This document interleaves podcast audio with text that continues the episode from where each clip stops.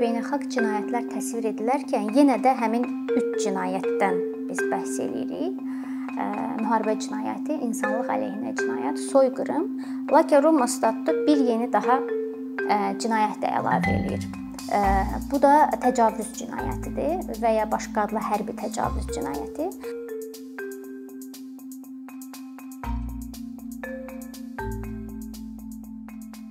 Beynəlxalq Cinayət ə, Məhkəməsi, beynəlxalq tribunallar və beynəlxalq cinayətlər ümumilikdə beynəlxalq cinayət hüququnun tərkib hissəsidir. Belə götürsək, beynəlxalq cinayət hüququ əslində beynəlxalq hüququn tərkib hissəsidir və kifayət qədər də yeni bir sahədir. Demək olmaz ki, beynəlxalq cinayət hüququnun kifayət qədər belə deyim də dərin bir tarixi var. Xüsusilə də inkişaf etməyə başlayıbdı 2-ci Dünya müharibəsindən sonra biz ə, əslində beynəlxalq cinayət ə, cinayətləri, beynəlxalq cinayət məhkəməsi, tribunalların belə deyil, inkişafını 3 mərhələyə bölə bilərik. Birincisi 2-ci dünya müharibəsindən sonra yaradılan Nürnberg tribunalıdır. Ə, eyni zamanda Tokio tribunalı. İkinci mərhələsi 90-cı illər ə, BMT ə, tribunalları hesab olunur. Üçüncü mərhələsi də beynəlxalq cinayət məhkəməsidir. Birinci mərhələyə gəlsək biz çox qısa şəkildə əslində bu məlum olduğu kimi 2-ci dünya müharibəsi hadisələrindən sonra koalisiya dövlətlərinin təşəbbüsü ilə yaradılır və buna eyni zamanda Nürnberg prinsiplərinə əsaslanır. Hansı ki bu əslində indiki müasir dövrdə bildiyimiz beynəlxalq cinayətlərin belə deyim də əsası da və kodifikasiyası da həmin zaman başlayır. Burada əsas biz 3 cinayətdən bəhs edirik. Müharibə cinayəti, insanlıq əleyhinə cinayət və sülh əleyhinə cinayət. Nürnberg tribunalı zamanı təbii ki, belə deyim də, əslində məqsədinə müəyyən dərəcədə çatır, çünki Nazi Almaniyasında hərbi, siyasi vəzifələrdə çalışmış şəxslərin və həmin cinayətlərin törədilməsində məsul şəxslər belə deyim də məhkəmə qarşısına çıxarılır və cəzaları verilir. Bundan əlavə bu belə deyim də, biraz daha qərbdə yaradılan 2-ci dünya müharibəsindən sonra bir tribunal idi, amma biz uzaq şərqdə Tokio tribunalından danışa bilərik ki, bu da eyni zamanda belə deyim də Yapon generalların məhkəmə qarşısına çıxarılması 2-ci dünya müharibəsindən sonra və onların cəzalandırılması məqsədi daşıyırdı. Eyni şəkildə əslində Tokio tribunalı da 3 əsas cinayəti beynəlxalq cinayət kimi ə, təsvir eləyirdi. Beynəlxalq müharibə cinayəti, insanlıq əleyhinə cinayət və ə, sülh əleyhinə cinayət. Biz ə, belə deyək, çox qısa şəkildə əslində 90-cı illərə bir var, ikinci mərhələyə keçid eləyə bilərik. Ona görə ki, 45-46-cı illərdə hər iki tribunalda ə, belə deyək, Nürnberg tribunalı fəaliyyətini ə, belə deyim, həyata keçirdir, bağlanır.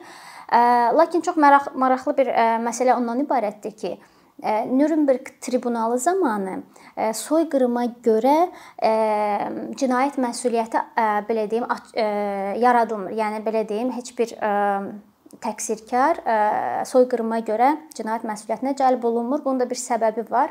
Ona görə ki, həmin dövrdə əslində soyqırım bir hüquqi termin kimi əslində hələ formalaşmır. Soyqırımın hüquqi termin kimi və beynəlxalq cinayət kimi formalaşması 48-ci ildə soyqırım konvensiyası ilə başlayır ki, həmin zaman artıq Nürnberg tribunalı fəaliyyətini dayandırmış olur. Lakin ondan öncəsi zamanda belə deyim də, Nürnberg məhkəmə işlərində soyqırım sözünə rast gəlinir. Çünki ifadə hardasa 44-45-ci illərdə formalaşmağa başlayır. Lakin bu belə deyim də hüquqi bir termin kimi, cinayət kimi göstərilmir. Bu sadəcə olaraq hadisəni təsvir eləmək üçün istifadə olunur. Çox qısa şəkildə bu birinci mərhələ idi və 90-cı illərə qədər elə də bir belə deyim, həmin Tokio tribunalı və Nürnberg tribunalından sonra çox ciddi bir dəyişikliklər baş vermiş. Ta ki 90-cı illərə qədər bu da beynəlxalq cinayət hüququnun əslində parlaq dövrü hesab olunur. Bu da iki məlum hadisə ilə bağlıdır. Bu Yuqoslaviya hadisələri və Afrikada Ruanda hadisələri ilə bağlıdır. BMT-nin Təhlükəsizlik Şurasının qətnaməsi ilə iki beynəlxalq tribunal yaradılır. 93-cü ildə Yuqoslaviya tribunalı, 94-cü ildə Ruanda tribunalı yaradılır. və həmin tribunalların əsasnamələrində 3 əsas cinayət beynəlxalq cinayət kimi təsvir olunur. Bunlar təbii ki, özlərini öz bazasını Nürnberg prinsiplərindən götürür. Lakin burada müəyyən bir dəyişikliklər olunur. Burada xüsusilə 3 cinayət göstərilir beynəlxalq cinayət kimi. Müharibə cinayəti, insanlıq əleyhinə cinayət və soyqırım. Soyqırım nəhayət ki, beynəlxalq cinayət kimi əsasnamədə öz yerini tapır. Yeri gəlmişkən onu qeyd etmək lazımdır ki, BMT-nin qətnaməsi ilə və BMT təşəbbüsü ilə yaradılan beynəlxalq tribunallar ad hoc tribunallar hesab olunur. Yəni müvəqqəti xarakter daşıyır. Sadəcə olaraq konkret həmin hadisə və həmin konfliktlə əlaqədar olur. Adından da görsəndiyi kimi və daimi xarakter daşımır. Məsəl üçün Yuqoslaviya tribunalı 93-cü ildə yaradılır və 2017-ci ilə qədər davam eləyir. Hardasa 161 məhkəmə işi həyata keçirilir. Ruanda tribunalı da eyni qaydada Ruandada baş verən hadisələrlə əlaqədar olur və bu da eyni zamanda 2015-ci ildə təxminən öz fəaliyyətini dayandırır. Əslində bir növ BMT-nin tribunalları, Yuqoslaviya tribunalı olsun və ya Ruanda tribunalı olsun, əslində düzdür, beynəlxalq cinayətlər onların əsasnamələrində görsənir. Sadəcə olaraq belə deyim, həm də e, hər bir məhkəmə işi getdikcə e, beynəlxalq cinayətlərə daha ətraflı şəkildə e, təfsir verməyə başlanılır.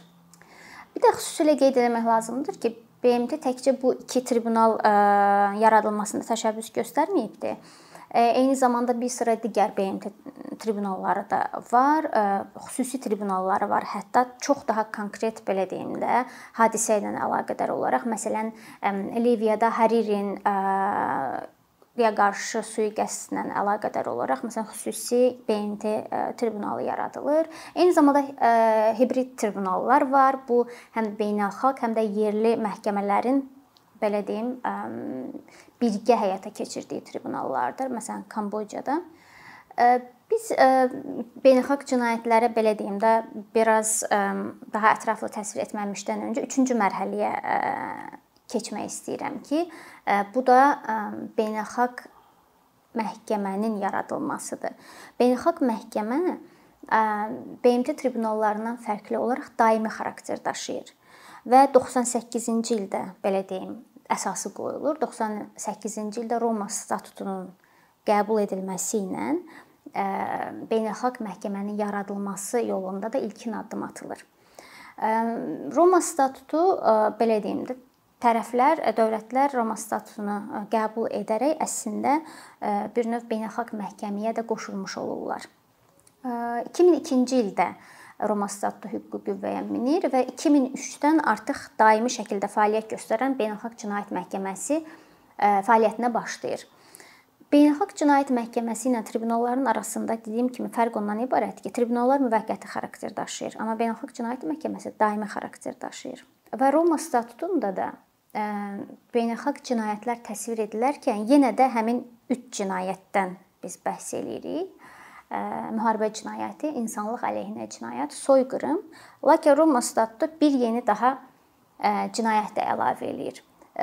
Bu da təcavüz cinayətidir və ya başqa adla hərbi təcavüz cinayəti və bununla da beynəlxalq hüquqda, beynəlxalq cinayət hüququnda 4 cinayət beynəlxalq cinayət kimi kodlaşdırılır. Sənədləşdirilir belə deyək. Bundan öncə də qeyd elədiyim kimi Roma statutunu ratifikasiya edən dövlətlər hər hansısa bir münaqişə baş verdiyi zaman beynəlxalq məhkəməyə müraciət edə bilərlər. Lakin qeyd etmək lazımdır ki, beynəlxalq cinayət məhkəməsi yalnız 2002-ci ildən sonrakı hadisələr, hadisələri əhatə eləyir. Yəni 2002-dən öncəki konfliktlər məhkəmə qarşısına çıxarıla bilməz.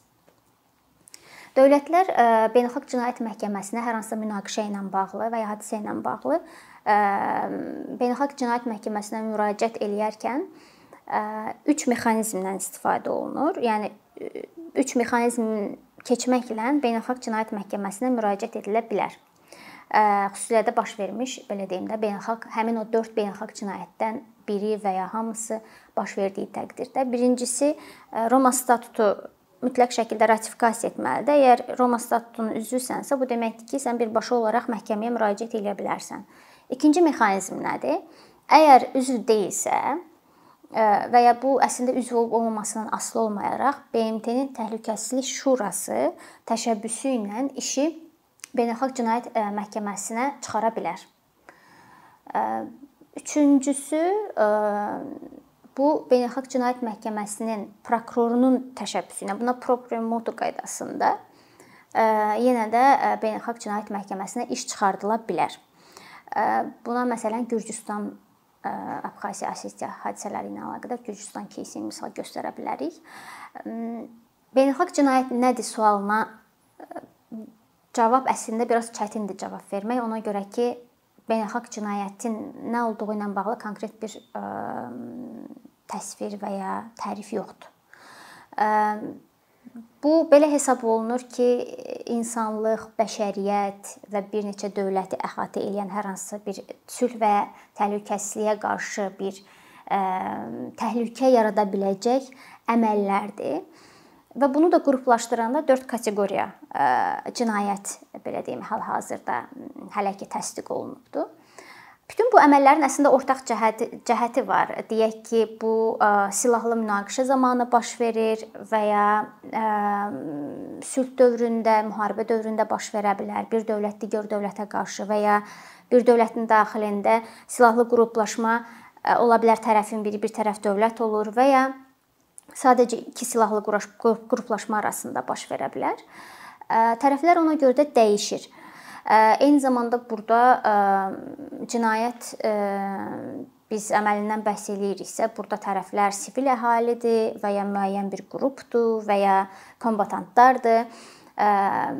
Buna görə də əslində ümumi götürsən hamısını da öldürmə və ya insanın fiziki və ya mental olaraq ə, onun mövcudluğuna ağır zərbə vurma və ya onun həyat və fəaliyyətinə ağır zərbə vurma. Əslində hamısının ortaq cəhəti var. Sadəcə olaraq bunları bir-birindən fərqləndirən, deyək ki, beynəlxalq cinayət və ya cinayət əməli hansı hallarda soyqırım kateqoriyasına düşür, hansı hallarda insanlıq əleyhinə cinayət kateqoriyasına düşür və ya hansı hallarda müharibə cinayətinin kateqoriyasına düşür. Bunu bilmək üçün hər birinin özünün özünə məxsus spesifik əlamətləri var. Məsələn, insanlıq əleyhinə cinayətdən bəhs eləyiriksə, bu mütləq şəkildə sivil əhaliyə yönəlməlidir və geniş miqyaslı və sistematik baş verməlidir bu məsələn soyqırımdan bəhs eləyiriksə biz Ə, təbii ki, burada da sivil əhalidir. Ə, lakin müəyyən qruplardır. İrqi, milli, dini, etnik. Ə, sadəcə olaraq ə, burada fərq ondan ibarətdir ki, soyqırımda mütləq şəkildə spesifik ə, element olan ə, soyqırım niyyəti sübuta yetirilməlidir. Üçüncüsü məsələn müharibə cinayətlərindən bəhs edirik ki, o daha konkretdir. Ceneva konvensiyaları və müharibə qaydalarının pozuntusudur. Və hərbi təcavüz və ya təcavüz cinayətindən bəhs ediriksə, bu BMT əsasnaməsinə zidd olaraq bir dövlətin digər dövlətin ərazi bütövlüyü, suverenliyi, siyasi müstəqilliyinə qarşı həyata keçirdiyi hərbi əməliyyatlardır. Bunu da belə deyək, hələ ki, hə, təcavüz cinayəti ilə bağlı cinayət işləri elə də yəni başlamayıbdı və aktivləşməyibdi. Ona görə də biz hələ ki 3 cinayət üzərində fokuslanırıq. Çünki bunlarla bağlı məhkəmə işləri istəyir tribunallarda, istəyirsə də Beynəlxalq Cinayət Məhkəməsində getmişdir və davam da edir. Sözsüz ki, beynəlxalq cinayətlərin kateqoriyalaşdırılması, onların artıq müəyyən çərçivələnməsi, beynəlxalq tribunalların yaradılması, məhkəmə Bütün bunlar sözsüz ki, dünyada münaqişələrin qarşısını tamamilə almayıbdı. Sadəcə olaraq bu əslində bir növ nəyə bənzəyir? Əslində yerli səviyyədə də hər hansı cinayətə görə cəzanın müəyyənləşdirilməsi cinayəti cinayətlərin necə ki aradan qaldırılmasına gətirib çıxartmayıbdı. Beynəlxalq belə deyim, platformada da əslində bir növ eynidir. Sadəcə olaraq cinayət əməllərinin hansı ki beynəlxalq cinayətlərdir və onlar əslində sülh, bəşəriyyət üçün daha ciddi təhlükə törədir. Onları həmin əməllərin bir növ məhdudlaşdırılmasına, müəyyən çərçivəyə salınmasına və ya məsələn deyək ki, soyqırım eyni ilə məsələn ağır bir cinayətdir, lakin cinayət əməli törədilərkən, beynəlxalq cinayət törədilərkən müəyyən qısıtlamaların da gəlməsinə və bu cinayəti əməlini törədənlər tərəfindən gətirib çıxarıbdı. Bu baxımdan əslində yeni dediyim kimi yeni bir sahədir. Hələ də inkişaf etməkdə olan sahədir və bu demək deyil ki, müəyyən bir müddət sonra yeni bir cinayət hətta növü yaradılmayacaqdır. Bu baxımdan da ən azından başlanğıc olaraq dediyim kimi müəyyən dərəcədə beynəlxalq cinayət törədənlərin əməllərinin məhdudlaşdırılmasında müəyyən dərəcədə rol oynamışdır.